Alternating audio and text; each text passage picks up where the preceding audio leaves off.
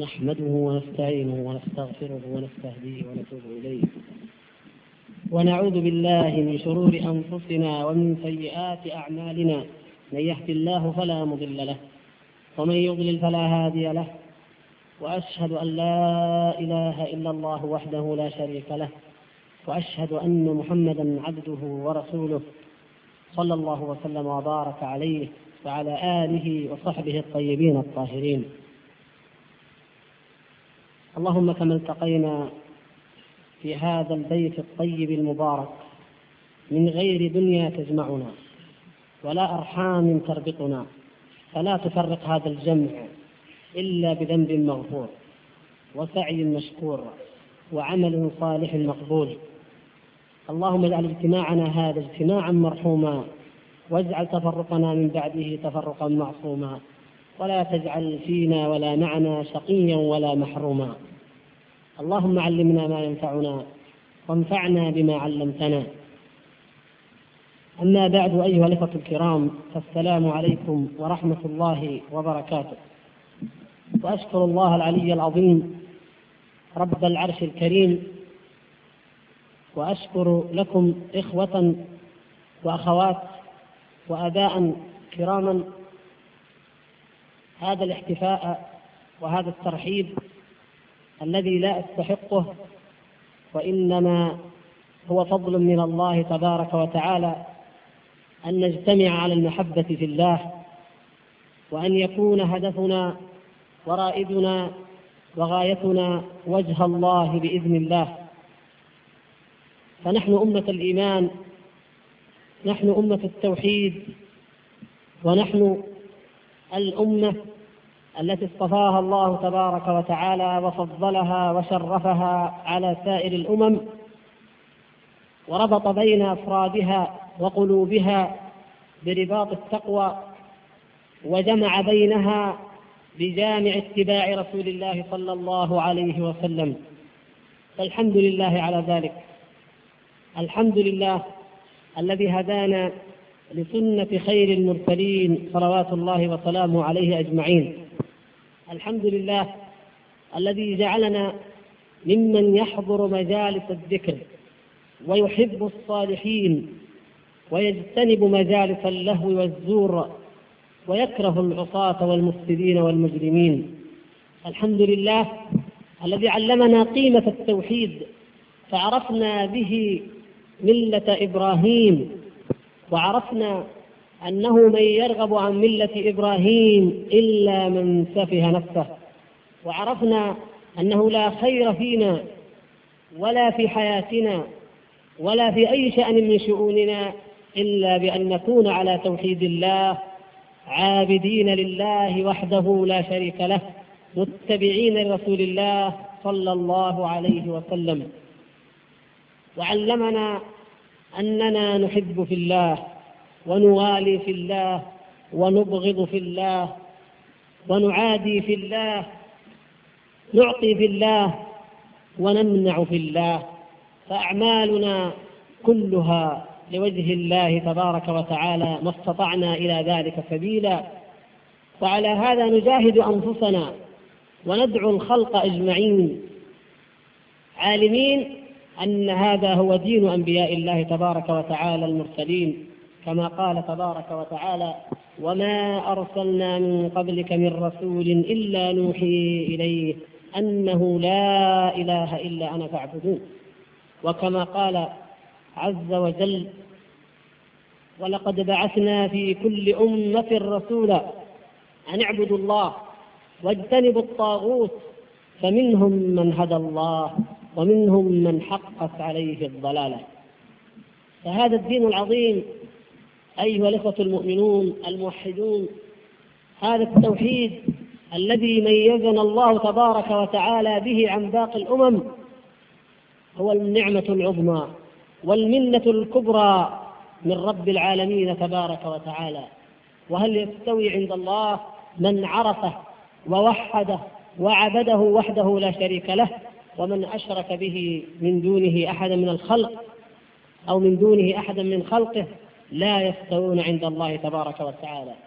التوحيد هو معقد النجاة في الدنيا والآخرة.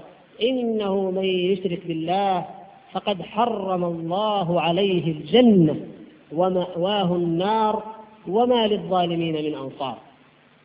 على هذا وإليه دعا رسول الله صلى الله عليه وسلم وجاهد في الله حق جهاده. كما قال صلى الله عليه وسلم بعثت بالسيف بين يدي الساعة حتى يعبد الله وحده لا شريك له وجعل رزقي تحت ظل رمحي وكتب الذل والصغار على من خالف أمري ومن تشبه بقوم فهو منهم. نعم من تشبه بقوم فهو منهم فمن تشبه بأهل الإيمان والتوحيد والسنة والطاعة فهو منهم. ومن تشبه بأهل الكفر والنفاق والبدعة والعصيان فهو منهم. وعلى هذا جاهد الصحابة الكرام رضوان الله تبارك وتعالى عليهم. خرجوا من هذه الجزيرة القاحلة. خرجوا في سبيل الله ولذات الله وانطلقوا شرقا وغربا يرفعون راية لا إله إلا الله فدانت لهم الدنيا وخضعت حتى عجب المؤرخون وعجزوا عن تفسير هذه الظاهرة. وهل في التاريخ كله من ظاهرة أعجب منها وأعيا للعقول منها؟ أمة تنبعث من هذه الجزيرة من هذه الصحراء لم يكن لها حضارة لم يكن لها علم لم يكن لها تاريخ مجيد تفخر به لم تكن لديها قيم إلا موروثات الجاهلية وعاداتها وتقاليدها. تخرج لتدخل الناس في دين الله أفواجا؟ وكيف دخل الناس في توحيد الله تعالى أفواجا أيها الأخوة الكرام؟ كيف دخل الناس إلا لما رأوا نور الإيمان لما رأوا نور التوحيد لما رأوا أخلاق النبوة؟ كان الناس في بلاد الشام كانوا تحت حكم هرقل وكان هرقل وأهل الشام على دين النصرانية الباطل المحرف هذا مثال من الأمثلة. ولما دخل أصحاب رسول الله صلى الله عليه وسلم دمشق لم يكن لهم فيها إلا مسجد واحد. مسجد واحد يجتمع فيه المسلمون. بقي فيه قلة. والبقية انطلقوا يجاهدون ويفتحون المدن الأخرى. وما تم لهذا الأمر إلا زمن يسير حتى أسلم الناس كلهم. أهل دمشق ومن حولها وبلاد الشام إلا من أعمى الله تبارك وتعالى بصيرته. أتدرون لماذا أيها الكرام؟ لأن بيوت الله كان فيها أصحاب رسول الله صلى الله عليه وسلم وعلى رأسهم كان في دمشق معاذ بن جبل ذلك الشاب التقي النقي رضي الله تعالى عنه وأرضاه. كانوا يهدون الناس بنور النبوة بأخلاق النبوة. فلما رآهم نصارى بلاد الشام قالوا والله ما الذين صحبوا المسيح عليه السلام يعني الحواريين بأفضل من هؤلاء. رأوا الخلق رأوا التواضع رأوا الزهد رأوا إيثار الآخرة على الدنيا رأوا الإقبال على الله تبارك وتعالى رأوا تلاوة الذكر الحكيم وتعليم الناس هذا الدين العظيم فدخلوا في دين الله أفواجا منقادين. راغبين غير راهبين.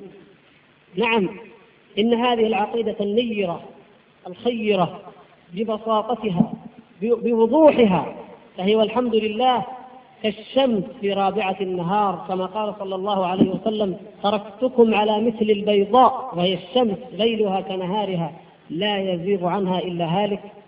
إنها قد استحقت فعلا أن تنجذب إليها القلوب وأن تتفاعل معها مشاعر الناس قديما وحديثا فيدخل في دين الله تبارك وتعالى أفواجا.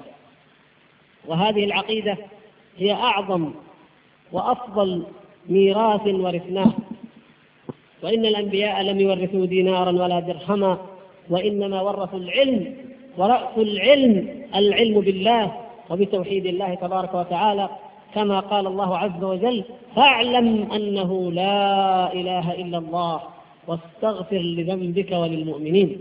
العلم بالله تبارك وتعالى أن تعرف الله كما جاء في حديث معاذ رضي الله تعالى عنه لما بعثه النبي صلى الله عليه وسلم إلى اليمن قال فليكن أول ما تدعوهم إليه شهادة أن لا إله إلا الله. فإذا هم عرفوا الله فأبلغهم. أن الله افترض عليهم خمس صلوات. إذا عرفوا الله أساس كل شيء أن يعرف الله يعرف أنه لا إله إلا هو تبارك وتعالى أنه لم يتخذ صاحبة ولا ولدا ولم يكن له شريك في الملك ولم يكن له ولي من الذل أنه العزيز الجبار المتكبر سبحانه وتعالى أنه الذي إليه المنتهى أنه الذي بيده خزائن كل شيء. أنه الذي بيده ملكوت كل شيء أنه وحده الذي يدعى ويرجى ويخشى ويخاف ويتضرع إليه وهو حسب المؤمنين وكافيهم في كل أزمة وفي كل فتنة وفي كل محنة. وعلى هذه العقيدة استقامت وسارت الدعوات التجديدية يبعث الله تبارك وتعالى على رأس كل مئة عام من يجدد لهذه الأمة أمر دينها. وكان من آخرها كما نعلم جميعا تلك الدعوة العظيمة. كانت تلك الدعوة التي دعا إليها الإمام المجدد العلامة الشيخ محمد بن عبد الوهاب رحمه الله فجاء ليعيد لهذه العقيدة نقاوتها وليعيد إلى هذه الجزيرة قيادتها. تحول التاريخ مرة أخرى فبعد أن كانت معاقل الإسلام وحواضره وعواصمه هي بغداد أو دمشق أو قرطبة أو القيروان أو الرباط عاد التاريخ مرة أخرى إلى هذه الجزيرة الخيرة إلى الكنز الذي جعله الله تبارك وتعالى لهذا الدين فلا ينضب أبدا بإذن الله تبارك وتعالى. لتنطلق من جديد بنفس النقاء والصفاء والوضوح والاتباع فالحمد لله على ذلك وهذا من فضله ومنه وجوده وتوفيقه. وإنني لأبشر نفسي دائما وأبشر إخواني جميعا بأن هذه الصحوة الطيبة المباركة لا بد وأن تنتصر بإذن الله. لا بد أن تنتصر بإذن الله. والله إنا لعلى يقين من هذا كما أننا موقنون أن الشمس سوف تطلع غدا. لماذا؟ لأن الله تعالى هو الذي تكفل بنصرها ولأن رسول الله صلى الله عليه وسلم هو الذي أخبرنا بذلك. وأريد أن أعطيكم مثالا واحدا من بشائر هذا النصر لتعلموا أن ما قلته إنما هو عن حق وحقيقة بإذن الله. نحن نرى هذا الشباب المقبل على الله في كل مكان نراهم إذا سمعوا عن رسول الله صلى الله عليه وسلم حديثا وصح عندهم عملوا به ودعوا إليه وهذا أمر مشاهد والحمد لله أيما حديث وجدوه وصح عندهم عملوا به ودعوا إليه واتبعوه ونشروه فما معنى هذا؟ معنى هذا أن الصحوة قائمة على قاعدة الاتباع. ومن اتبع هذا الرسول صلى الله عليه وسلم فوالله لينال من النصر والتأييد والتوفيق بمقدار اتباعه له. ولا تقل كيف فهذا رسوله صلى الله عليه وسلم. هذا حجته على خلقه. هذا هو الذي جعل الله تبارك وتعالى محبته واتباعه معيارا لكل أحد من مدعي الإيمان.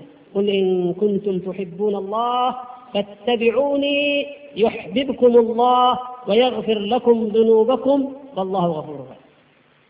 اتبعوني يحببكم الله. هذا من تحكيم رسول الله صلى الله عليه وسلم. فلا وربك لا يؤمنون حتى يحكموك فيما شجر بينهم. ثم لا يجدوا في أنفسهم حرجا مما قضيت ويسلموا تسليما. فإذا قلت للأخ أو للأخت المسلمة إن رسول الله صلى الله عليه وسلم قال كذا قالوا سمعنا وأطعنا. فالحمد لله لم نعد كما كان الحال منذ سنوات نتبع مجرد أقوال أو آراء للعلماء منها الخطأ ومنها الصواب وأعني بالعلماء الفقهاء الأئمة الأربعة أو غيرهم وإنما أصبحت الصحوة تتبع الدليل أينما كان وللعلماء قيمتهم وكرامتهم ومنزلتهم ولكن إذا صح الحديث فهو مذهب الجميع والحمد لله لا ينافع في ذلك أحد ولهذا قال الإمام الشافعي رحمه الله لما قال له الرجل سأله رجل عن, عن أمر فأخبره بالحديث فقال وأنت ماذا ترى؟ قال أتراني في كنيسة؟ أترى علي زنارا؟ أقول لك قال رسول الله صلى الله عليه وسلم وتقول ما رأيك أنت؟ وهل لأحد من رأي بعد رسول الله صلى الله عليه وسلم يا أيها الذين آمنوا لا تقدموا بين يدي الله ورسوله إذا أبشروا يا إخوان ما دام هذا طريقنا فأبشروا وأبشروا خيرا ونصرا وتوفيقا بإذن الله تبارك وتعالى وإن مما يجب أن نذكر به ولا يخفى على أمثالكم في هذا الشأن أن دين الإسلام وقاعدته العظيمة مبنية على أمرين على أصلين عظيمين معروفين. الأول ألا يعبد إلا الله وهذا معنى شهادة لا إله إلا الله ألا يعبد إلا الله. والأصل الثاني ألا يعبد الله إلا بما شرع. إلا بما شرع الله في كتابه أو في سنة نبيه صلى الله عليه وسلم فلا يعبد الله تبارك وتعالى بالأهواء والبدع. نعبد الله بما شرع ولا نعبده بالأهواء والبدع. وبهذا نفترق عن طريق المغضوب عليهم وطريق الضالين. وهذا معنى الشهادة بأن محمدا رسول الله صلى الله عليه وسلم. وهذه الشهادة العظيمة إذا عقلناها وعرفنا معناها وحمدنا الله تبارك وتعالى على ذلك واقتدينا برسول الله صلى الله عليه وسلم وأصحابه وأئمة الدعوة المجددين في فهمها وفقهها والدعوة إليها ينبغي أن نعلم أن لها حقوقا ولوازم ومقتضيات. ولا مشاحة في الاصطلاح. المقصود أن هذه الكلمة العظيمة تؤتي ثمارها كما ذكر الله تبارك وتعالى ألم تر كيف ضرب الله مثلا كلمة طيبة كشجرة طيبة؟ أصلها ثابت وفرعها في السماء تؤتي أكلها كل حين بإذن ربها. لا بد لها. هذه الشجرة شجرة التوحيد والإيمان شجرة لا إله إلا الله لا بد لها من أصول ومن فروع ومن ثمار ومن أعظم مقتضياتها وأوجب حقوقها وأدخل لوازمها أن يوالي العبد في الله ويعادي في الله. أن توالي المؤمنين وأن تعادي الكافرين. نعم. فإن من والى عدو الله لا يمكن أن يكون محققا لشهادة أن لا إله إلا الله ولا آتيا بمقتضياتها. نعم إن الله تبارك وتعالى قد بين لنا أعداءه فيجب أن نعاديهم. بين لنا إن الشيطان لكم عدو فاتخذوه عدوا إنما يدعو حزبه ليكونوا من أصحاب السعير. هذا الشيطان عدو الله فكيف نطيع الله؟ ثم أو ندعي أننا نطيع الله ثم نطيع الشيطان ونتبعه ولا نعاديه. لا يمكن ذلك. الله تبارك وتعالى يقول يا أيها الذين آمنوا لا تتخذوا عدوي وعدوكم أولياء تلقون إليهم بالمودة وقد كفروا بما جاءكم من الحق. عدوي وعدوكم. الله أكبر. وهل هناك أعظم فخرا من أن يكون اسمك مقترنا بالله سبحانه وتعالى باسم الله عز وجل فيكون عدو الله عدوا لك ويكون حبيب الله حبيبا لك. نعمة عظيمة لأنك تعادي وتوالي فيه ولوجهه عز وجل. ومن هم أعداء الله؟ لتجدن أشد الناس عداوة للذين آمنوا اليهود والذين أشركوا. نعم هؤلاء من أعداء من هم أعداء أعداء الله تبارك وتعالى. هؤلاء الذين يجب أن يعاديهم المؤمن وهذا ما بينه الله تبارك وتعالى. لا تجد قوما يؤمنون بالله واليوم الآخر يوادون من حاد الله ورسوله. تعالى لهم يرفع البغض. ابتداء من الجهاد وانتهاء بكراهية القلب. هم الذين قال الله تبارك وتعالى فيهم ولن ترضى عنك اليهود ولا النصارى حتى تتبع ملتهم. حتى تتبع ملتهم. وهل هل في إمكان أي مسلم أن يرغب عن ملة إبراهيم وأن يتبع ملة هؤلاء المجرمين المحرفين المبدلين الذين جعلوا لله ولدا تبارك وتعالى والذين يحاربون الله ورسوله والمؤمنين في كل مكان؟ لا يمكن أبدا. إذا لا بد أن نخلص قلوبنا فنحب من أحب الله ونبغض من أبغض الله.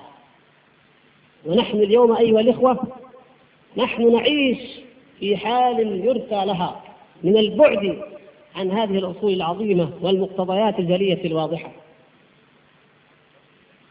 إما في غفلة تامة كما هو حال كثير من المسلمين الذين أحبوا أعداء الله بل وافقوهم بل اتبعوهم كما قال صلى الله عليه وسلم لتركبن أو لتتبعن سنن من كان قبلكم حذو القدة بالقدة حتى لو دخلوا جحر ضب لدخلتموه.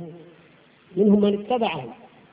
ومنهم من لم ينكر عليهم. ومنهم من كان خطأه في أنه أحب أعداء الله وزاد على ذلك ببغض أولياء الله. وهذا ضلال مبين. فلم يكتفي لم يكتفي بأن يوالي الكافرين بل زاد على ذلك معاداة الصالحين والمؤمنين. وبعضهم يعكس المسألة. لا يستطيع أن يرتب ولاءه وعداءه.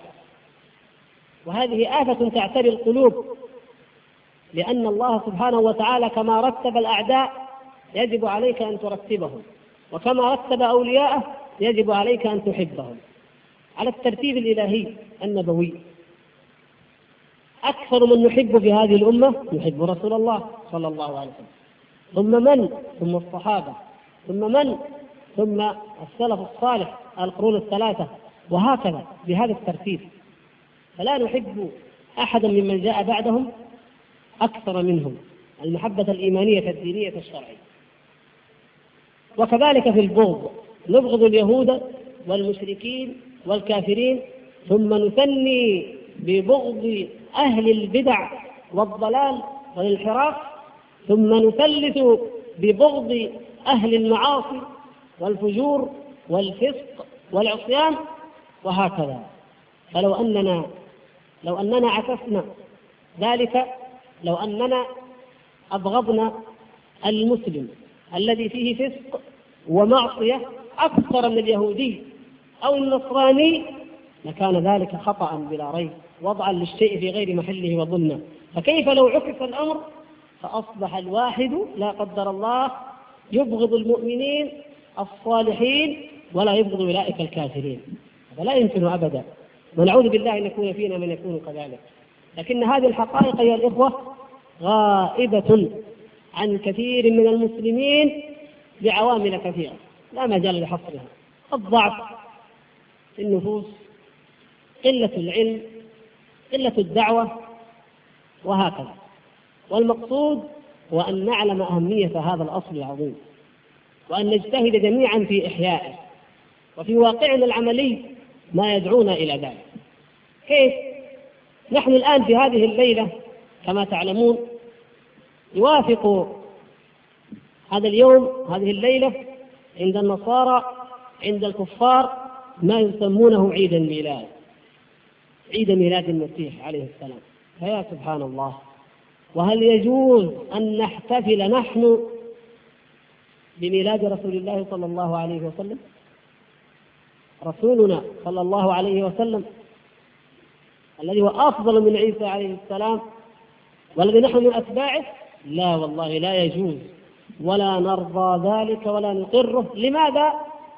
لأنه مبتدع محدث وكل بدعة ضلالة وكل ضلالة في ونحن والحمد لله نعظم رسولنا صلى الله عليه وسلم ونعذره ونوقره ونحبه ليلا ونهارا سرا وجهارا.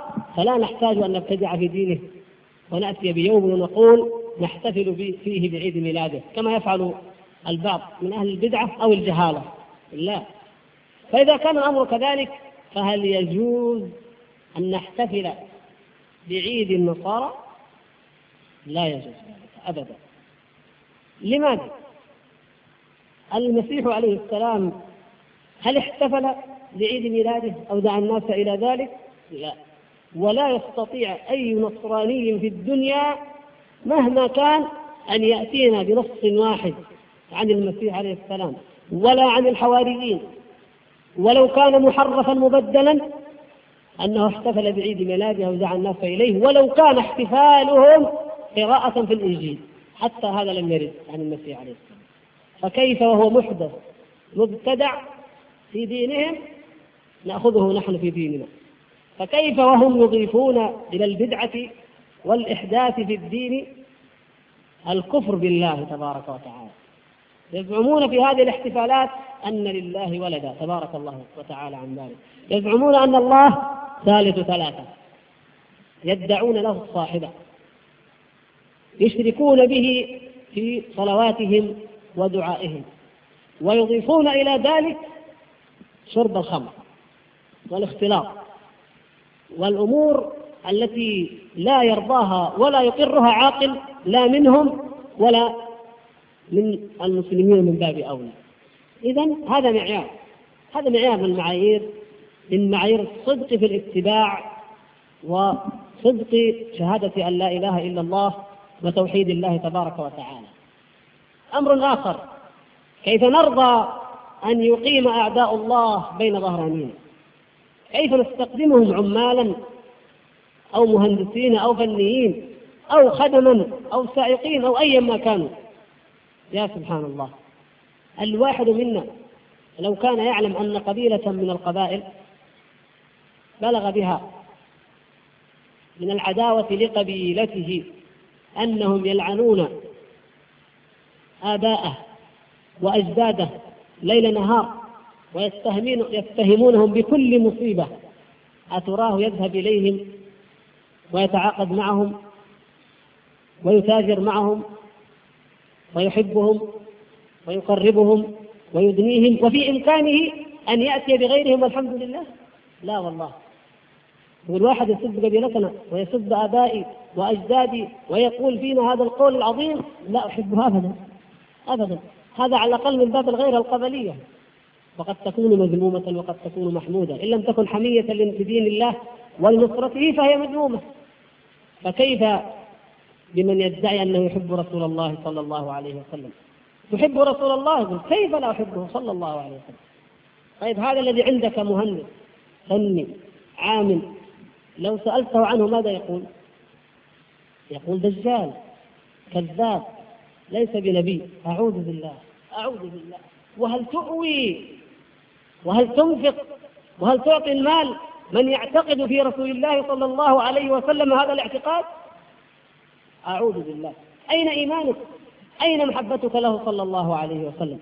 يدعي ويعتقد ليل نهار أن رسول الله صلى الله عليه وسلم كاذب مفتري وأن القرآن باطل وأن المسلمين هم أصحاب النار ويقول ذلك ويدعو إليه وينشره ويجمع المال من هذه البلاد ويرسلها إلى إخوانه هنالك. كل هذا يقومون به ونحن نحترمهم نحبهم نقدرهم نستخدمهم نتعاقد معهم. بل ربما والعياذ بالله وقد حصل هذا أن تربي الخادمة أبناءنا على هذا الكفر. وقد نشر بجرائد ورأيتموه. نشرت صورة الطفلين الذين اللذين كانا يسجدان أمام التنور البوتقاز يسجدان له لأن الخادمة كانت بوذية. فعلمتهما أن يسجدوا ويركعوا للنار لأنها مجوسية والعياذ بالله. نعم هذا دينهم وهذا اعتقادهم. كيف نرضى أن وياهم كم بيننا وبينهم من الفوارق؟ يا أخي الكريم أنت كل يوم وكل حين تقول لا إله إلا الله. وهم يقولون إن الله ثلاثة إن الله ثالث ثلاثة. هذا إذا كانوا نصارى. أما إن كانوا من الهندوس فالآلهة عندهم بالآلاف أو بالملايين. كل شيء إله وكل شيء يعبدونه تعالى الله عما يصفون. هذا هذا عقيدة هذه عقيدتهم. أنت تقول أشهد أن محمدا رسول الله وهم يشهدون كل حين أنه كاذب افترى على الله وحاشاه من ذلك صلى الله عليه وسلم. أنت تصلي الصلوات الخمس وتتوضأ لله كل حين وهم لا يذكرون الله إلا على دينهم الباطل. ولا يصلون لله بل يستغيثون ويدعون غير الله المسيح أو غيره. الرب يسوع الرب يسوع كل حين كل وقت. الرب جعلوه عيسى عليه السلام جعلوه هو الرب. وهو الذي قال لهم اعبدوا الله ربي وربكم كما بين الله تبارك وتعالى. سبحان الله. وأحبهم ومعي في العمل ومعي في البيت وأتعامل معهم وأنا أستطيع أن أستغني عنهم حتى لو تجارة. أستطيع أن أتاجر مع غيرهم؟ لا أتاجر معهم نعم. ولا أشتري بضائعهم وأنا أستطيع أن أشتريها من مسلم. أنت كل يوم الحمد لله تأكل الطعام الحلال الطيب الذي أخرج الله لك من الأرض والحمد لله على ذلك. وهم ماذا يأكلون يا أخوان؟ ماذا يأكلون؟ يأكلون الميتة. الميتة التي لا تستطيع أن تأكلها ولو أعطاك أحدهم. كم؟ كم الدنيا؟ مليون؟ كم؟ وقال لك هذه جيفة والعياذ بالله. تأكل منها؟ والله ما أحد منا يأكل منها. هذا أكلهم الجيف وأشد من ذلك يأكلون الخنزير. وما هو شرابهم؟ الخمر. سبحان الله. قذارة حسية قذارة معنوية كفر قلوب سوداء حياة نكدة. ومع ذلك نجد فينا من يحبهم أو يعظمهم أو يكرمهم أو يواليهم. سبحان الله العظيم. كيف يجتمع هذا وهذا؟ ثم إلى أي شيء يسعون؟ ماذا يريد اليهود والنصارى؟ ماذا يريدون؟ في فلسطين ماذا يريدون؟ يريدون أن يهدموا المسجد الأقصى وينشئوا الهيكل المزعوم هيكل سليمان فوقه. يريدون أن يستأصلوا المساجد وبيوت الله والقضاء على من يذكر الله من يقول لا إله إلا الله في تلك الأرض المباركة. ماذا يريد النصارى في مصر وفي لبنان وفي غيرها؟ يريدون أن يكون الحكم بأيديهم ولهم وأن يذلوا المسلمين. نعم كما بين أحد الذين هداهم الله من القساوسة وأسلم يقول إنهم يلبسون اللباس الأسود في مصر من بين دول العالم.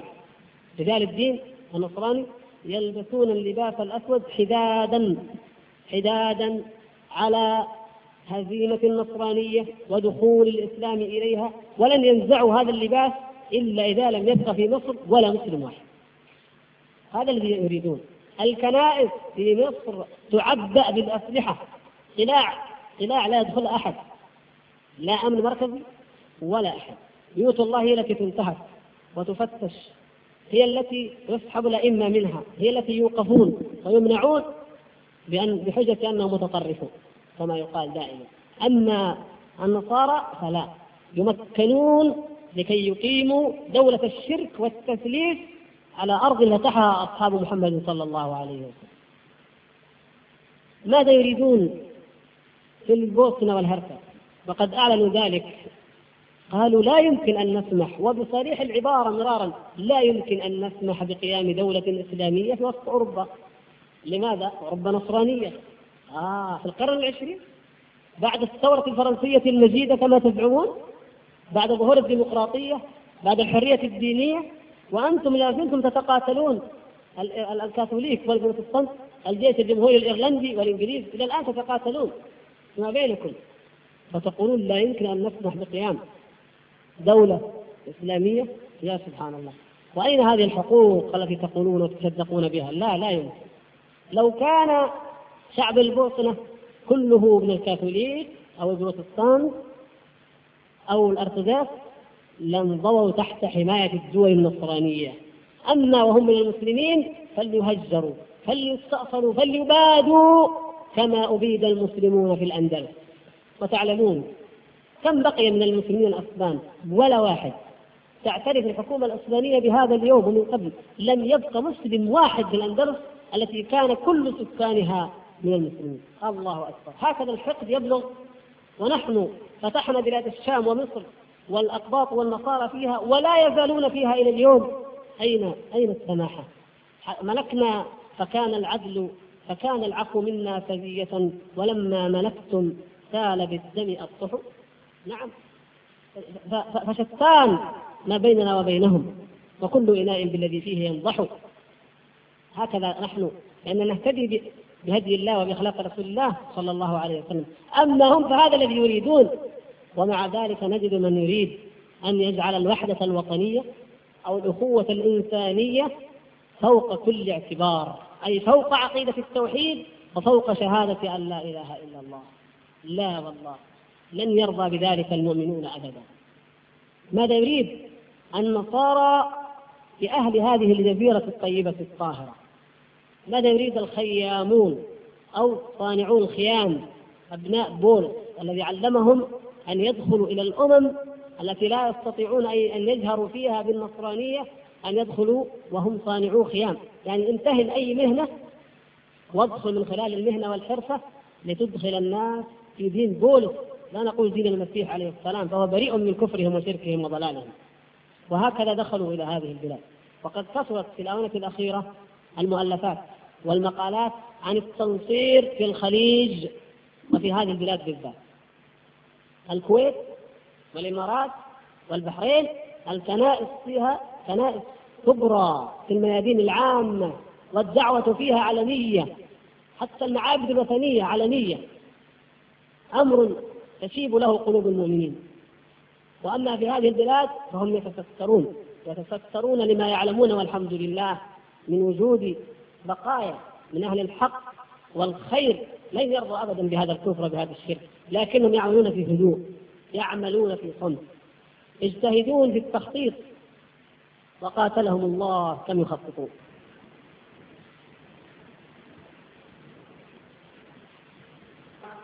من الدعاة إلى الله ذهب إلى إفريقيا يقول والله لقد رأيت امرأة عجوزا قدمت إلى قرية يقول قلت أذهب إلى قرية بعيدة لا أجد فيها أحدا من المصدرين فلما دخل القرية قال هذه القرية لا يمكن أن نرى فيها أحدا ما في أحد.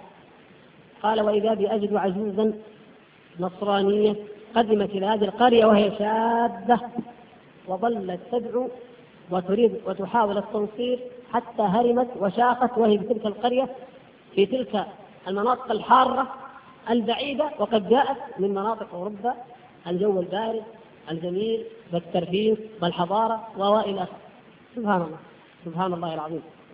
كيف يخططون وكيف يمكرون؟ وهم في هذه البلاد أشد مكرا.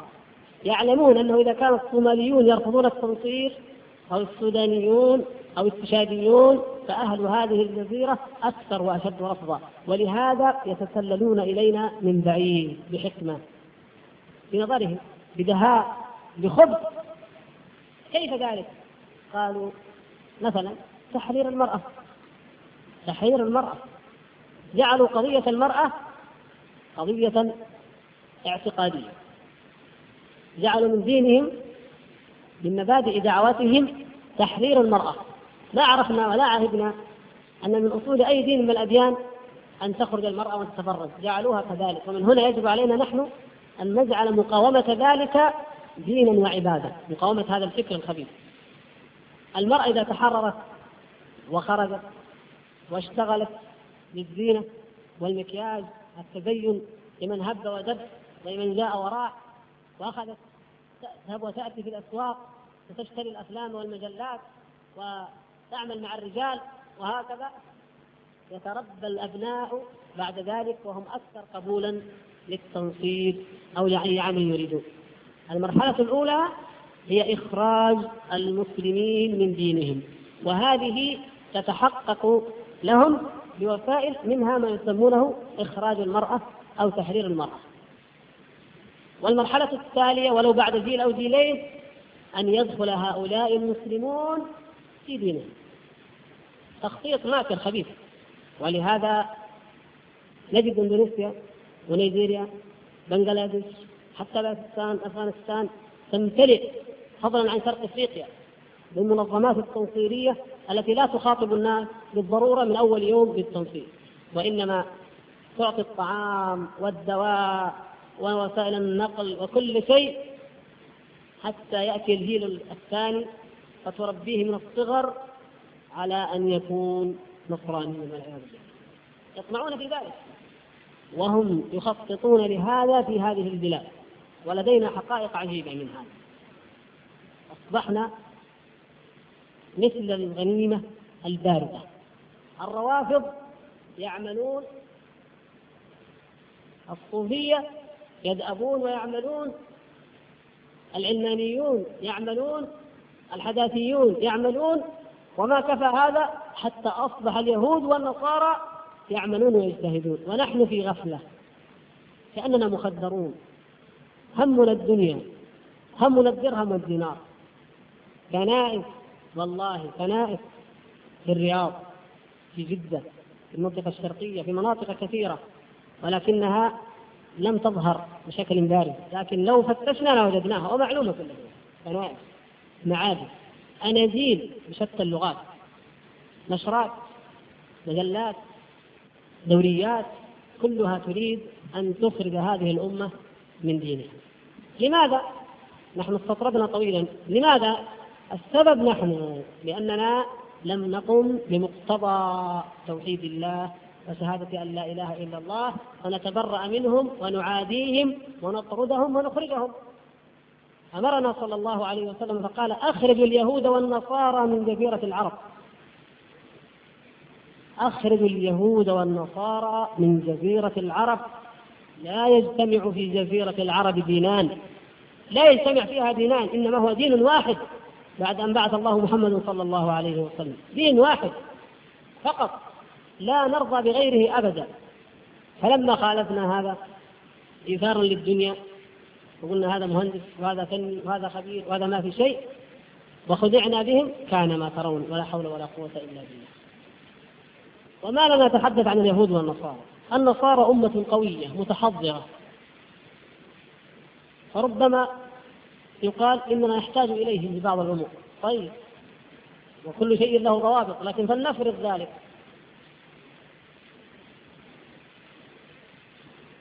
لو أننا اكتفينا بالغربيين وبالخبراء منهم المتخصصين في أمور نادرة لهان الخط لكن ما حالنا اليوم. سائق سائق. ألا يحسن السياقة إلا من كان مجوسيا أو بوذيا أو هندسيا؟ لا نجد حنيفا مسلما يقود سيارة خادمة عن النظافة إلى آخره.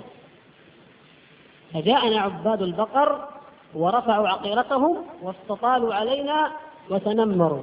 عباد البقر أنتم أنتم تشمخون بأنوفكم على عباد الله على عباد الرحمن على الموحدين على المؤمنين؟ نعم. حتى عباد الأطفال. حتى أرذل اللحم وأخبث الملل تطاولوا علينا لأننا كالغنيمة الباردة. خذ انهك كل وإلا فهي لغيرك. أمة غافلة سادرة. لم تستيقظ ولن ينقذها إلا من شاء الله تبارك وتعالى بنداء الله وبدعوة الله وبتوحيد الله عز وجل. فطمع فينا هؤلاء جميعا.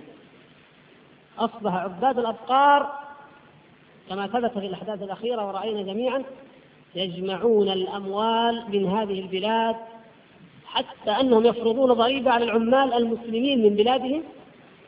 ضريبة كما يأخذ الرافضة 20% الخمس. هم لهم ضريبة يجمعونها ويرسلونها إلى الحزب الهندوسي المتطرف لكي يحكم الهند فيستأصل المسلمين بعد ذلك. الله أكبر.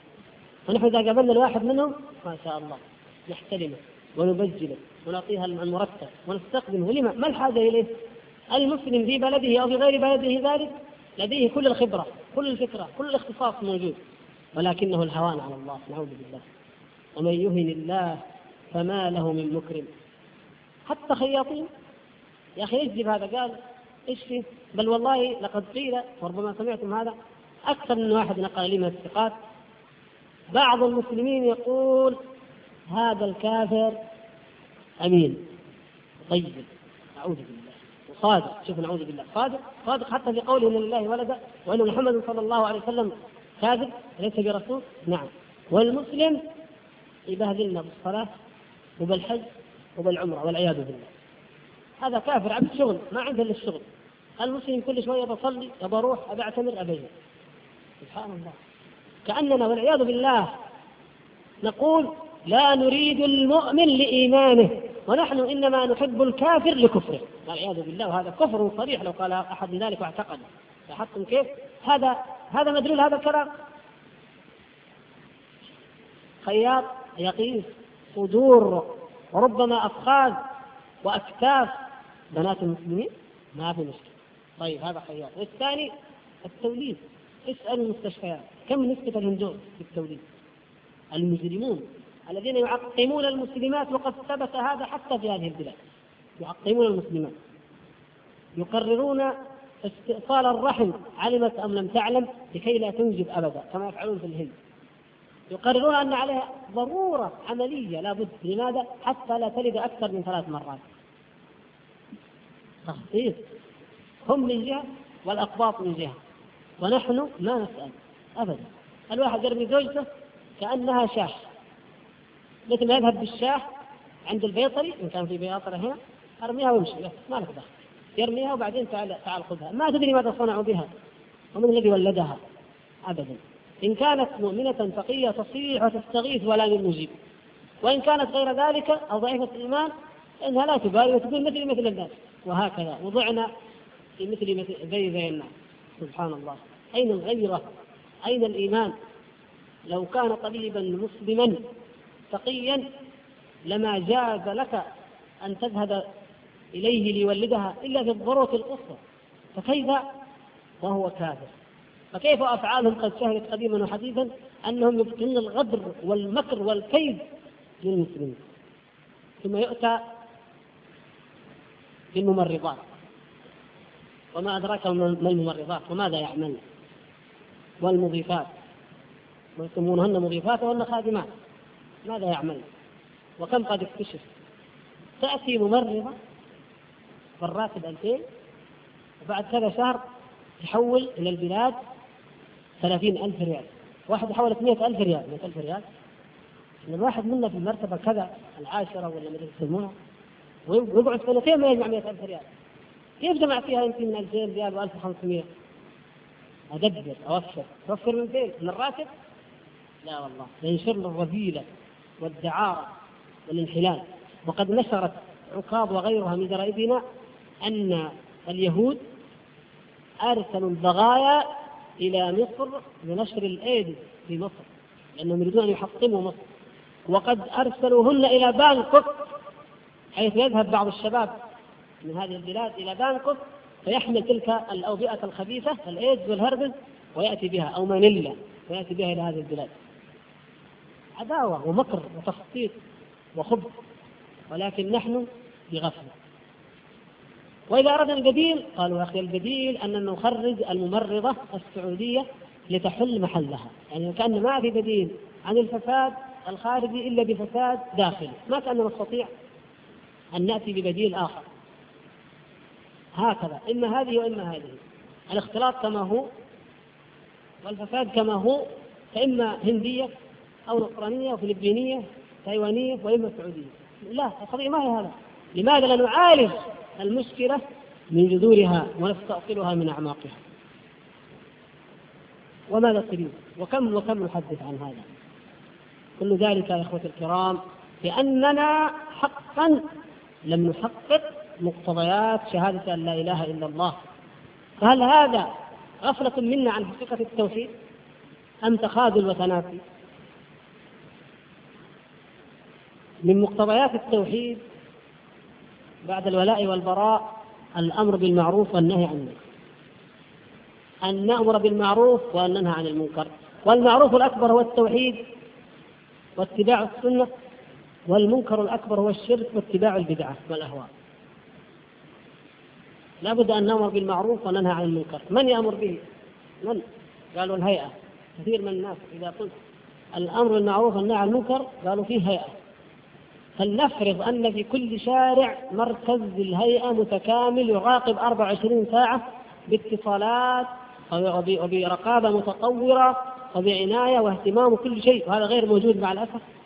المدينة الكبيرة فيها مركز واحد مسكين عليها أعداء هائلة لا, لا يستطيع أن يحملها إلا إدارات وليس مركزا واحدا. نقول لو فرض وأننا بالحالة الأولى لما جاز لنا أن نقول الهيئة. لماذا؟ لأن النبي صلى الله عليه وسلم يقول من رأى منكم منكرا فليغيره بيده من رأى؟ من؟ وقال إيش؟ منكم. يعني أيها المسلمون جميعا.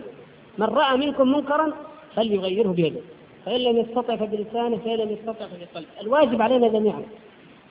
الهيئة جهة تنفيذية جهة عقابية تنزل العقاب. أما أنا أستطيع أن أغير بيدي في بيتي في حدود ولايتي في مدرستي أغير بيدي إذا كنت المدير أو في الفصل إذا كنت المدرس أغير بيدي. في الحي الذي أنا لي فيه قيمة أنا عمدة مثلا أغير بيدي. بقدر الولاية أغير. أما الهيئة فهي العقاب تحيل إليها من لا يستطيع معاقبته لتعاقبها وتحيلها المحكمة ليعاقب بما يقتضيه الشرع. فنحن جعلنا كل شيء على الهيئة وتخلينا عن العمل. وكأن الأمر لا يعنينا. ولو ألغيت الهيئة أو مو أو قتلت أو ميتت ما شعرنا لأن أمرا ما قد فقدناه مع أن هذا من حقوق لا إله إلا الله ومن القيام بها أن ندعو إلى الله وأن نأمر بالمعروف وأن ننهى عن المنكر. كنتم خير أمة أخرجت للناس تأمرون بالمعروف وتنهون عن المنكر وتؤمنون بالله. الأمر بالمعروف والنهي عن المنكر يحفظ الله تعالى به أمن البلاد. يحفظ الله تعالى به كل منا في أهله ونفسه وماله. وجربوا ذلك. واسألوا من جربه. وقد كان الأمن في بلادنا يوم أن كان للهيئة الدور الكافي كان أكثر من, من الآن. بل تدهور في كثير من المدن وفي كثير من الأحيان. تدهور الأمن بدرجة فظيعة. لما ألقي الحبل على الغارب وقلصت صلاحيات الأمر المعروف والنهي عن المنكر وترك الناس أيضا بقية الناس ذلك الأمر العظيم. فأصبحت مصانع للخمور مصانع. ما هي جوارير؟ مصانع تصنع. تصنع فيها بالبراميل تباع بيوت وأوكار للدعارة والعياذ بالله. بيوت اجتماعات لقاءات للفساد العقدي وهو أخطر من الفساد الخلقي. يجتمع فيها المنصرون يجتمع فيها الروافض يجتمع فيها الصوفية والطرق البدعية يجتمعون ولا من منكر. إدخال سيل جارف من الكتب والأفلام والمجلات المطبوعات النشرات ستعجب عندما تراها. لا تكاد تصدق أن هذه تقرأ وينظر فيها في بلد الإسلام والتوحيد ومع ذلك كلها تتدفق. بما فيها من كفر واستهزاء بالله وسخر برسول الله صلى الله عليه وسلم استهزاء بالدين بالحجاب بتحريم الربا بالجهاد بكل ما نؤمن به ونعظمه ونعتقده من شعائر الله. فيها كل ما يحارب ذلك جميعا. ومع ذلك لا نتفطن إلى هذا وإنما ديدننا دائما حنا بخير. والحمد لله وأحسن من غيرنا. لا شك الحمد لله أننا بخير جوانب كثيرة الحمد لله. ولا شك أننا أحسن من غيرنا. لكن يا إخوان إذا أردنا أن ننظر إلى أمر الآخرة فلننظر دائما إلى من هو أعلى منا. وإذا أردنا أن ننظر إلى الدنيا فلننظر إلى من هو دوننا. هكذا علمنا صلى الله عليه وسلم. أما نعكس الأمر الواحد منا إذا كان راتبك كذا ألف ما يقول الحمد لله أنا بخير وكثير فقراء أو أقل مني في الوظيفة. يقول لا في كثير أفضل مني وأعلى مني لابد أن آخذ الأمر. وإذا جئنا لأمر الدين قال لا الحمد لله إحنا بخير طيبين لا في إيش إيش بكم؟ إيش تبغوا عكسنا الآية. وقلبنا الأمر. لا. يجب أن ننظر بعين صادقة فاحصة ما نراه الآن في عيوننا أدق من الشعر كان في أعين أصحاب رسول الله صلى الله عليه وسلم من الكبائر من العظائم وهم المعيار. وهم المقياس الذي يجب أن نجعله أمامنا. نعم.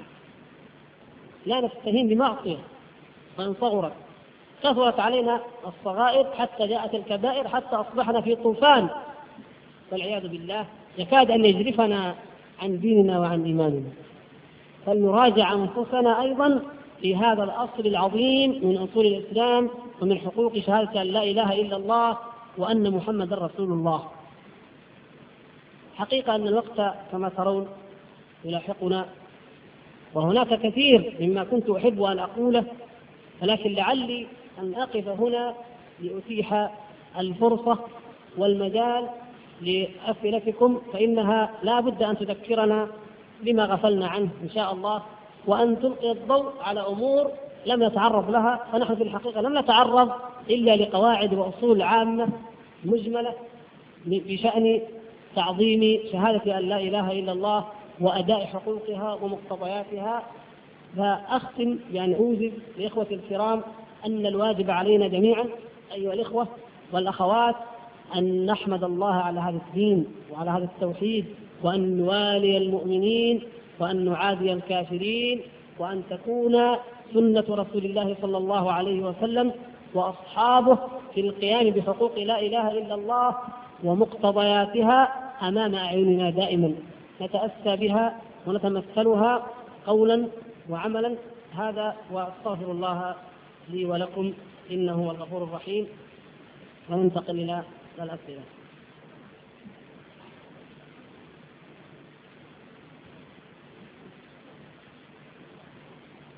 هذا تنبيه من الإخوة على أن هناك من يقوم بجمع التبرع لإخوانكم المسلمين على الأبواب. بادروا بارك الله فيكم لمسجد به أنفسكم. يقول أخ ما هو رأي الدين في من يسيء الظن بالناس وجزاكم الله خيرا. لا تقل رأي الدين يا أخي لكن نقول ما حكم الله؟ ما حكم الشرع؟ هذا ليس رأيا. رأينا نحن رأيي أنا وأنت رأي. أما ما كان من الدين فهو حكم من الله. حكم الله.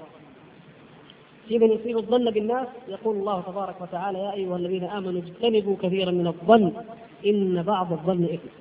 إذا اسات الظن بأهلك في البيت فقد يؤدي ذلك إلى اتهامهم بما لا يليق وربما أدى ذلك إلى الطلاق وكثيرا ما يقع. هذا والعياذ بالله. إذا اسات الظن بالموظفين أو العمال عندك دفعتهم إلى الريبة وأفسدت نياتهم وإخلاصهم. إذا أسأت الظن بذلك كان ذلك مدعاة إلى قطع العلاقة بينك وبينه. إذا أسأت الظن بمن يتعامل معك كان ذلك أدعى أن يتحرز منك وأن لا يريد أن يتعامل معك. وهكذا لا تسيء الظن. لكن كن ذكيا كن حذرا كن فطنا وتنبه. نعم أما أن تسيء الظن فسوء الظن مجرد هذا من الكبائر التي قرنها الله تبارك وتعالى بالغيبة كما تعلمون. وهناك للتنبيه فقط من يظن أن معاملة الكفار أو المنافقين الذين يحبونهم ويوالونهم أنها من باب سوء الظن. يعني إذا قلت إن الكفار لا يظهرون لنا الخير ولا يريدون لنا الخير. قال يا أخي هذا سوء ظن. نقول لا يا أخي فرق بين هذا وهذا. الكفار الله تبارك وتعالى هو الذي قال لا يرقبون في مؤمن إلا ولا ذمة. يعني لا يراعون في المؤمنين عهدا ولا ميثاقا. رأيت كيف الله الذي أخبرنا عن ذلك تبارك وتعالى. الله هو الذي أخبرنا أنه لن يرضوا عنا ولن ترضى عنك اليهود ولا النصارى حتى تتبع ملتهم. الله قال ذلك. وليس نحن الذي أن نعتقد فيهم ما أخبرنا الله تبارك وتعالى به. وهم يحسدوننا. أم يحسدون الناس على ما آتاهم الله من فضله؟ يحسدوننا ويبغضوننا ويريدون أن يطفئوا نور الله بأفواههم. وهذا ليس من الظن إنما هو حق لأن الله أخبرنا به.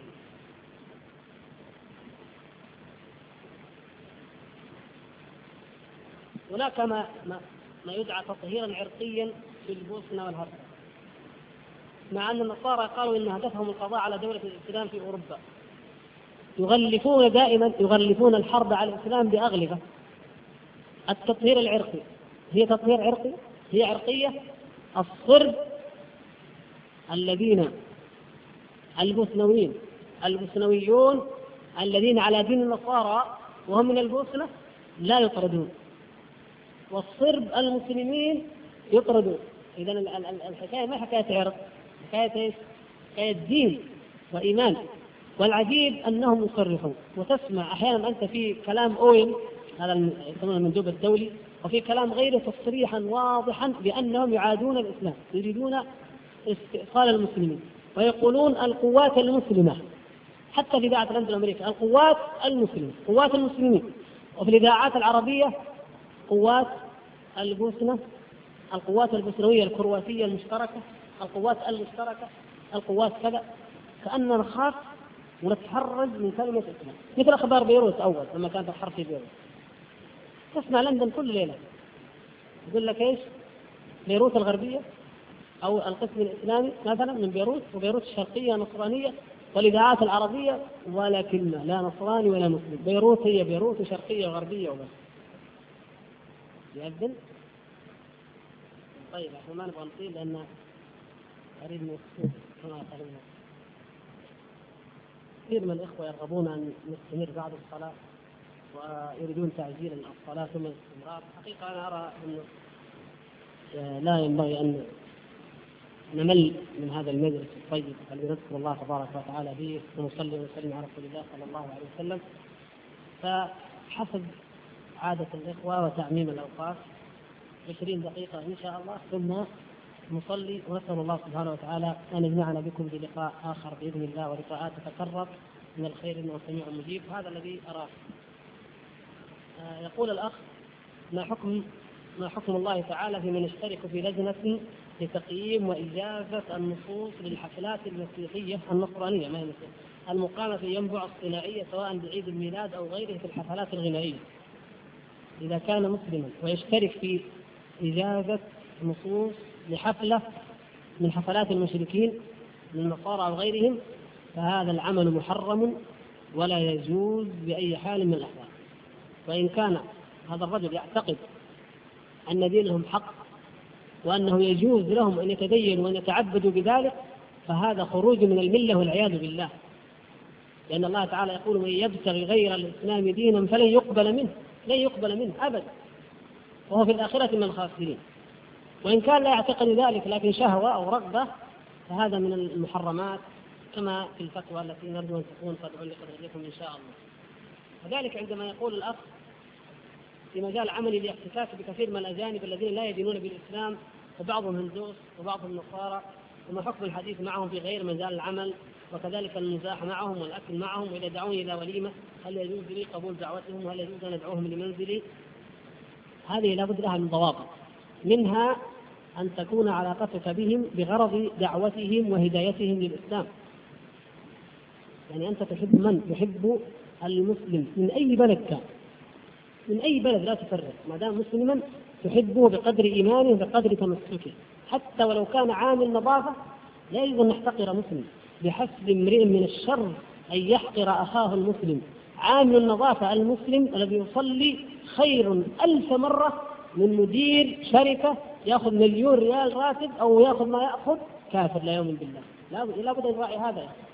إذا القاعدة هي مصلحة الدعوة. إذا كنت تطمع أن يهديه الله ونحن الأصل أن نكون مطرودين أن يطردوا من هذه البلاد لكن أما وهم بين أيدينا فالقاعدة هي بحسب مصلحة الدعوة لا بحسب رغبة النفس وميلها.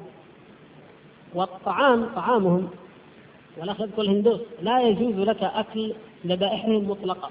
والنصارى في هذا العصر إن كانوا إن كانت ذبائحهم ليست من, أسواق المسلمين أيضا لا يجوز لك أن تأكل حتى تتأكد أنهم يذبحون لأن النصارى الآن يخنقون ولا يذبحون. ويأكلون اللحم المعلب والمستورد من الجير وهكذا. إذا لابد لك من ضوابط معينة يا أخي وما ذكرنا إجمال فقط.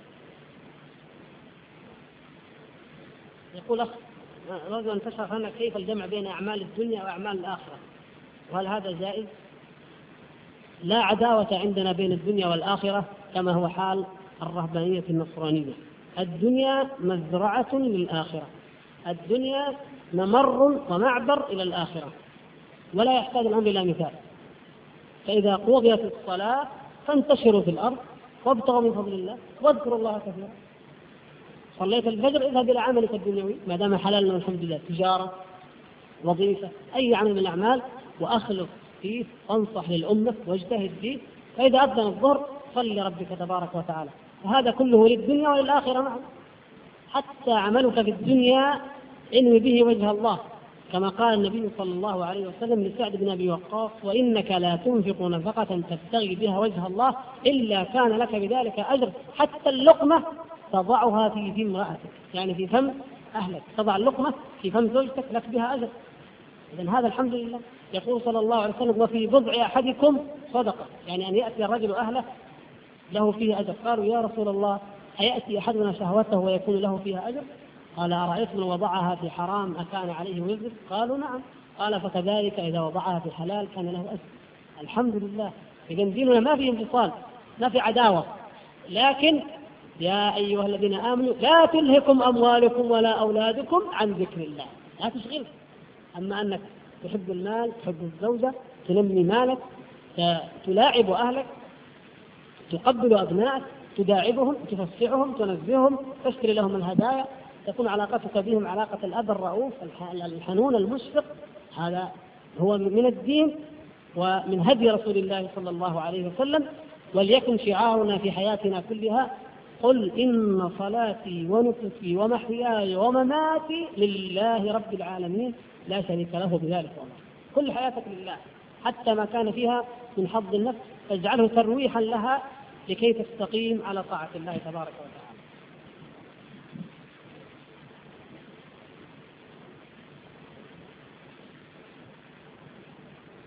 هل يجوز للمنفرد أن يصير إماما في الفريضة؟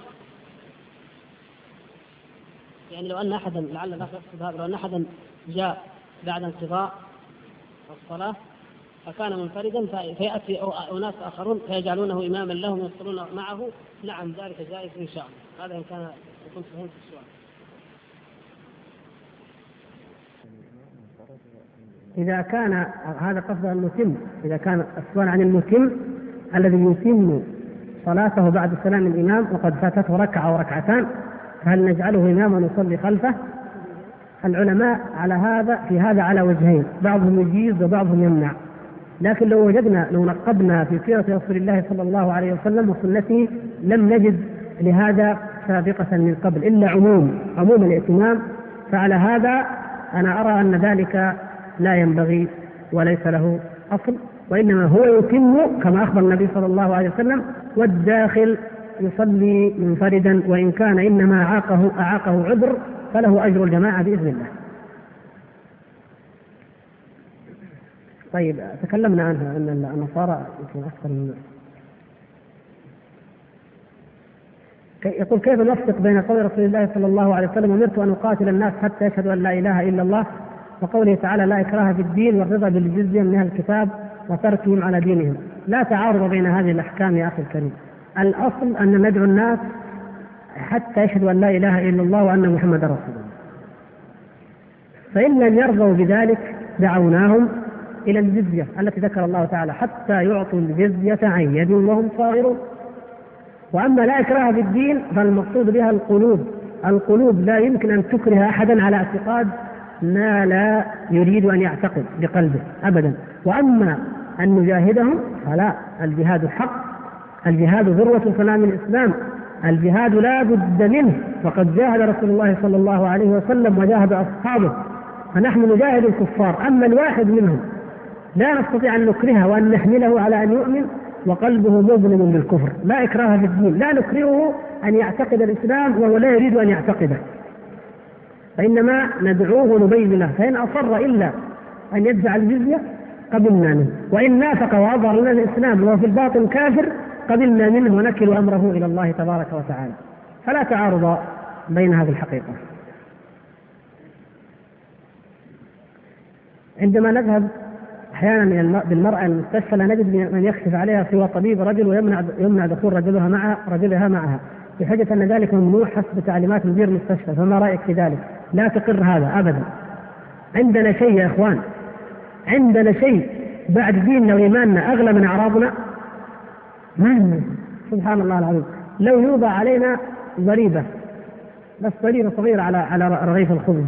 ولا يقولوا ما ما نعطيكم السكر إلا من نوع الرديء والله نعمل احتجاج وسياح ونستورد ونجيب رز مضبوط ونجيب سكر تمام. أي شيء. وهو ما لها علاقة بالعرض. يمكن يشرب الشاي بهذا النوع أو بذاك. فكيف العرض وهو أغلى شيء بعد الإيمان نتهاون فيه. إذا كنا جميعا لا نرضى هذا لا بد أن الوزارة تأتي بنساء ولا بد أن تفصل بين الرجال وبين النساء. لكن إذا تهاونا وسكتنا استسهلوا هذا. يجب أن نبرق وأن نطالب وأن نؤسس إذا استطعنا المستشفى النسائي الخاص. لماذا لا يكون في ينبع مستشفى نسائي متكامل منفصل فصلا كليا؟ ويوجد في بعض المستوصفات مولدات نساء إذا اذهب إلى المرأة وإن كان علاجها فرضا أو اهتمامها أقل نحتسب عند الله سبحانه وتعالى ونذهب إليها أما التساؤل على طول المستشفى ومثل الناس وإيش نسوي؟ هذا هو الذي يجعل هؤلاء المجرمين الهندوس والنصارى وأمثالهم يتغطرسون ويفعلون ما يشاء، لا بد أن نطالب جميعا بهذا الشيء ويؤمن والحمد لله الطبيبات في مصر في باكستان في غيره كثير مسلمات في الهند في كل مكان كثير نأتي بهن أو من تعلمت من بنات هذه البلاد ولكن في انفصال كامل إذا كان قد ورثت وتعلمت يعني في انفصال كامل عن الرجال ويقوم هؤلاء بمعالجة النساء. هل النصارى الموجودين الآن هم من أهل الكتاب حيث أن أكثرهم ليس من بني إسرائيل الذين بعث إليهم عيسى عليه السلام؟ ورسالة عيسى عليه السلام خاصة لبني إسرائيل وليست عامة للناس. لا شك أن رسالة عيسى عليه السلام ليست عامة. لكن كل من دان بالنصرانية فقد جعله الله ورسوله منهم. حتى نصارى بني تغلب وحتى نصارى نجران الذين أنزل الله تبارك وتعالى فيهم صدر سورة آل عمران. هم من العرب. فكل من دان بالنصرانية فهو من أهل الكتاب. وأهل الكتاب هم أهل الكتاب في القديم والحديث شركهم قديما وحديثا التثليث قديما وحديثا موجود فيظنون أنهم أهل الكتاب إلا من ألحد منهم وكفر بالنصرانية وأصبح شيوعيا مثلا أو مجوسيا أو بوذيا أو ما أشبه ذلك فهذا يكون مرتدا عن دينه ولا يعامل معاملة أهل الكتاب.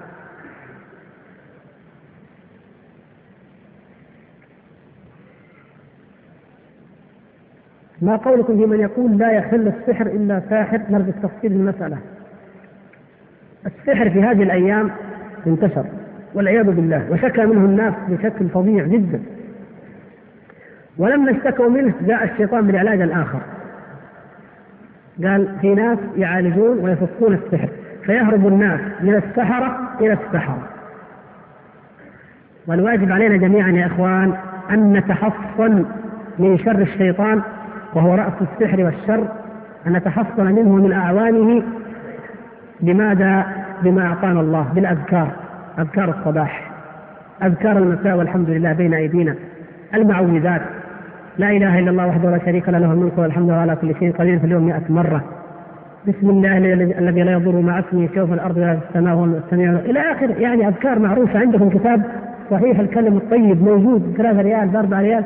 ينبغي أن يكون في كل بيت وتقرأ الأذكار الصحيحة التي فيه والحمد لله. ثم إذا وقع الإنسان في شيء من ذلك وابتلاه الله به فليصبر. ألا يصاب البعض بالسرطان نسأل الله أن يعافينا وإياكم خير المسلمين. سرطان تليف تليف في الرئة إلى آخره تلوث. يعني تقع أمراض كثيرة. فنصبر ونحتسب فيها في السحر كما نصبر ونحتسب في الأمراض البدنية.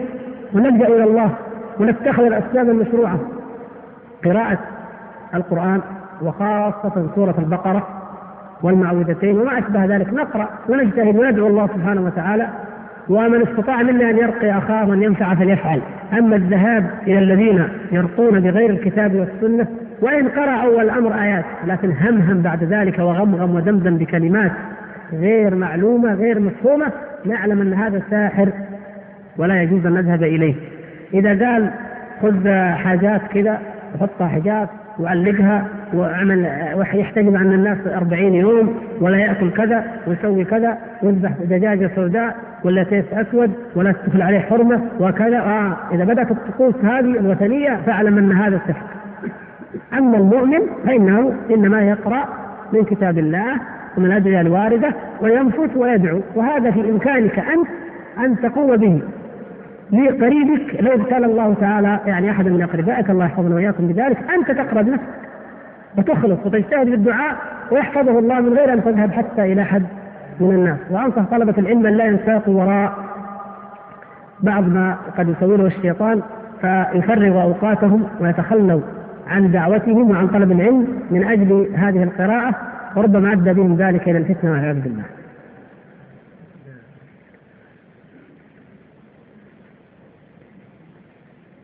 يقول آه، يذم بعض المسلمين في شباب الانتفاضة ويقولون إنهم على غير هدى فهل من كلمة توجهها لشباب الانتفاضة؟ وهل هذه الانتفاضة إسلامية؟ هم يسموها انتفاضة ما يحدث في فلسطين يسمى انتفاضة نحن نسميه بداية جهاد إن شاء الله. ولا يجوز أن نذم من يريد الإسلام وعز الإسلام وإن أخطأ في الاجتهاد. يا أخي انصحهم نعم. قل يا إخواننا نريد منكم أن تكونوا كذا اعملوا كذا وجههم إن كان لديك رأي وجه وقدم لهم خطة حكيمة وحضهم على اتباعها أما أن يعابوا وأن يذموا وأن يطعن فيهم فالمصلحة لمن؟ إذا طعنت في الدعاة إذا طعنت في المجاهدين فالمصلحة لمن؟ للكافرين للطواغيت للمجرمين لليهود للنصارى فهل يرضى المسلم أن يكون هو واليهود والنصارى والعلمانيين وأعداء الله أجمعين. في خندق واحد يحاربون أخاه المسلم المسكين الذي لا يملك حولا ولا طولا إلا بعض وسائل اتخذها كأطفال الحجارة أو الانتفاضة أو غير ذلك. لا شتان بين أن يكون لنا ملاحظات على الانتفاضة وبين أننا نذمها ونعيبها وربما أن البعض يفرح لو قضي عليها أو استؤصلت لا يا أخي لا يجوز ذلك وهذا إجحاف وليس من العدل في شيء.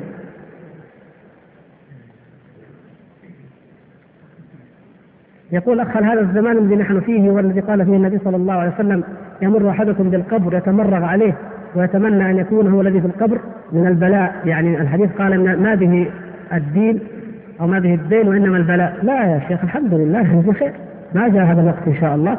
بل نحن الحمد لله في نعمة نستطيع أن ندعو إلى الله وأن نبلغ كلمة الله.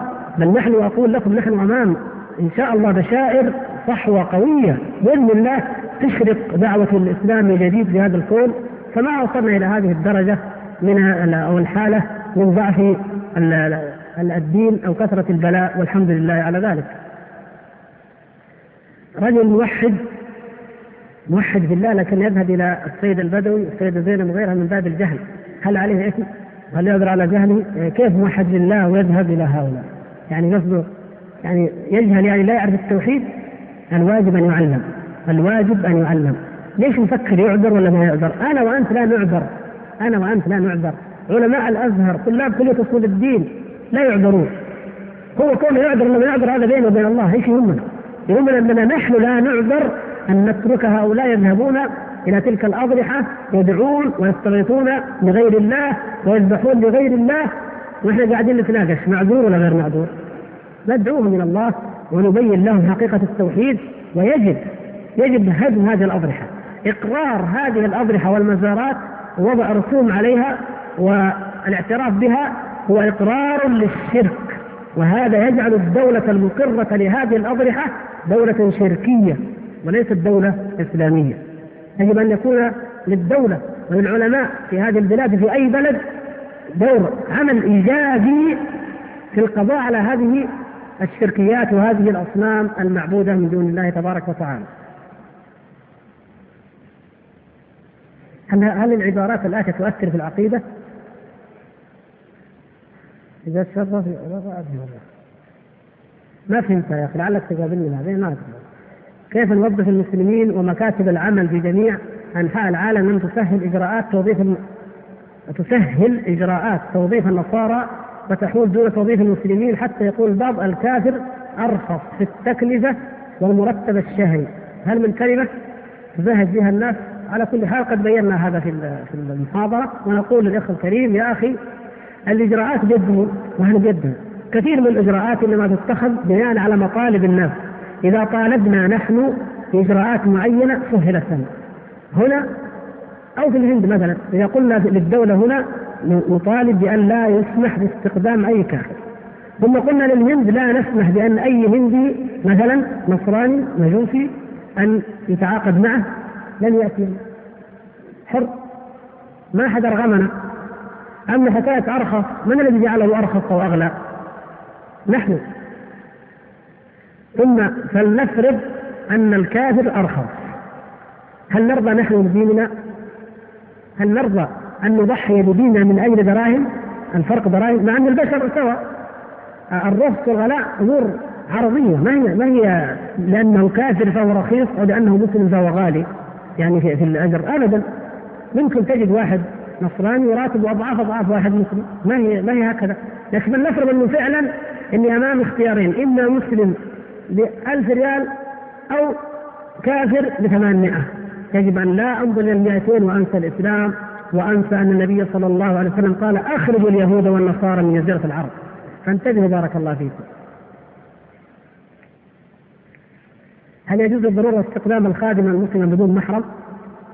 وهذه الضرورة هي على الزوجة لحاجتها إلى المرتب. هو حاجة الإنسان المرتب تعتبر ضرورة مجرد أن المرأة تتوظف ضرورة. المرأة الخادمة يمكن أن تستخدم إذا احتجت إليها بأن تأتي بها ومعها المحرم. فليكن سائقا أو حارسا وهي معه ولا تراها ولا تراك ولا يرى ولا تخلو بها طبعا والسائق الذي معها المحرم لا يرى أهلك ولا يخلو بهم. هذه الحالة فقط. أما ما عدا ذلك فلا تجوز ولا يستطيع أحد أن يقول إنها تجوز مع ما يترتب على ذلك من فتن ومفاسد عظيمة. والبديل كثير ومن يتق الله يجعل له مخرجا. البديل والله يا إخوان موجود لكل هذه الأمور. أين الذين يعملون هنا؟ يوجد من يعمل لو لو أقفلنا باب الاستخدام يوجد من يعمل ومن أهل هذه البلاد في داخل البلاد إما من لديهم إقامة أو حتى من مثلا السعوديات الإنسان إذا ذهب إلى العمل إذا ذهب إلى عمله تأتي ساعات معينة من النهار وتخدم أهله في حالة مثلا ولادة في حالات ضرورة فعلا تخدم أهله ثم تخرج قبل أن يعود. يعني أشياء كانت موجودة لدينا تضررات كانت موجودة من قبل وما احتجنا إلى هؤلاء. إما كافرة وهذا لا يجوز أصلا أو مسلمه ويكون هناك من الفتن ما يكون. وبعد أيها الإخوة الكرام لا نريد الإطالة عليكم ولكن نحمد الله سبحانه وتعالى على هذا اللقاء. وإنني والله ما جئت إليكم إلا محبة فيكم والله. ثم لما رأيتكم بهذا الإقبال وهذا الجمع الطيب ازددت حبا وأسأل الله سبحانه وتعالى أن يجعل محبتي ومحبتكم خالصة لوجهه الكريم.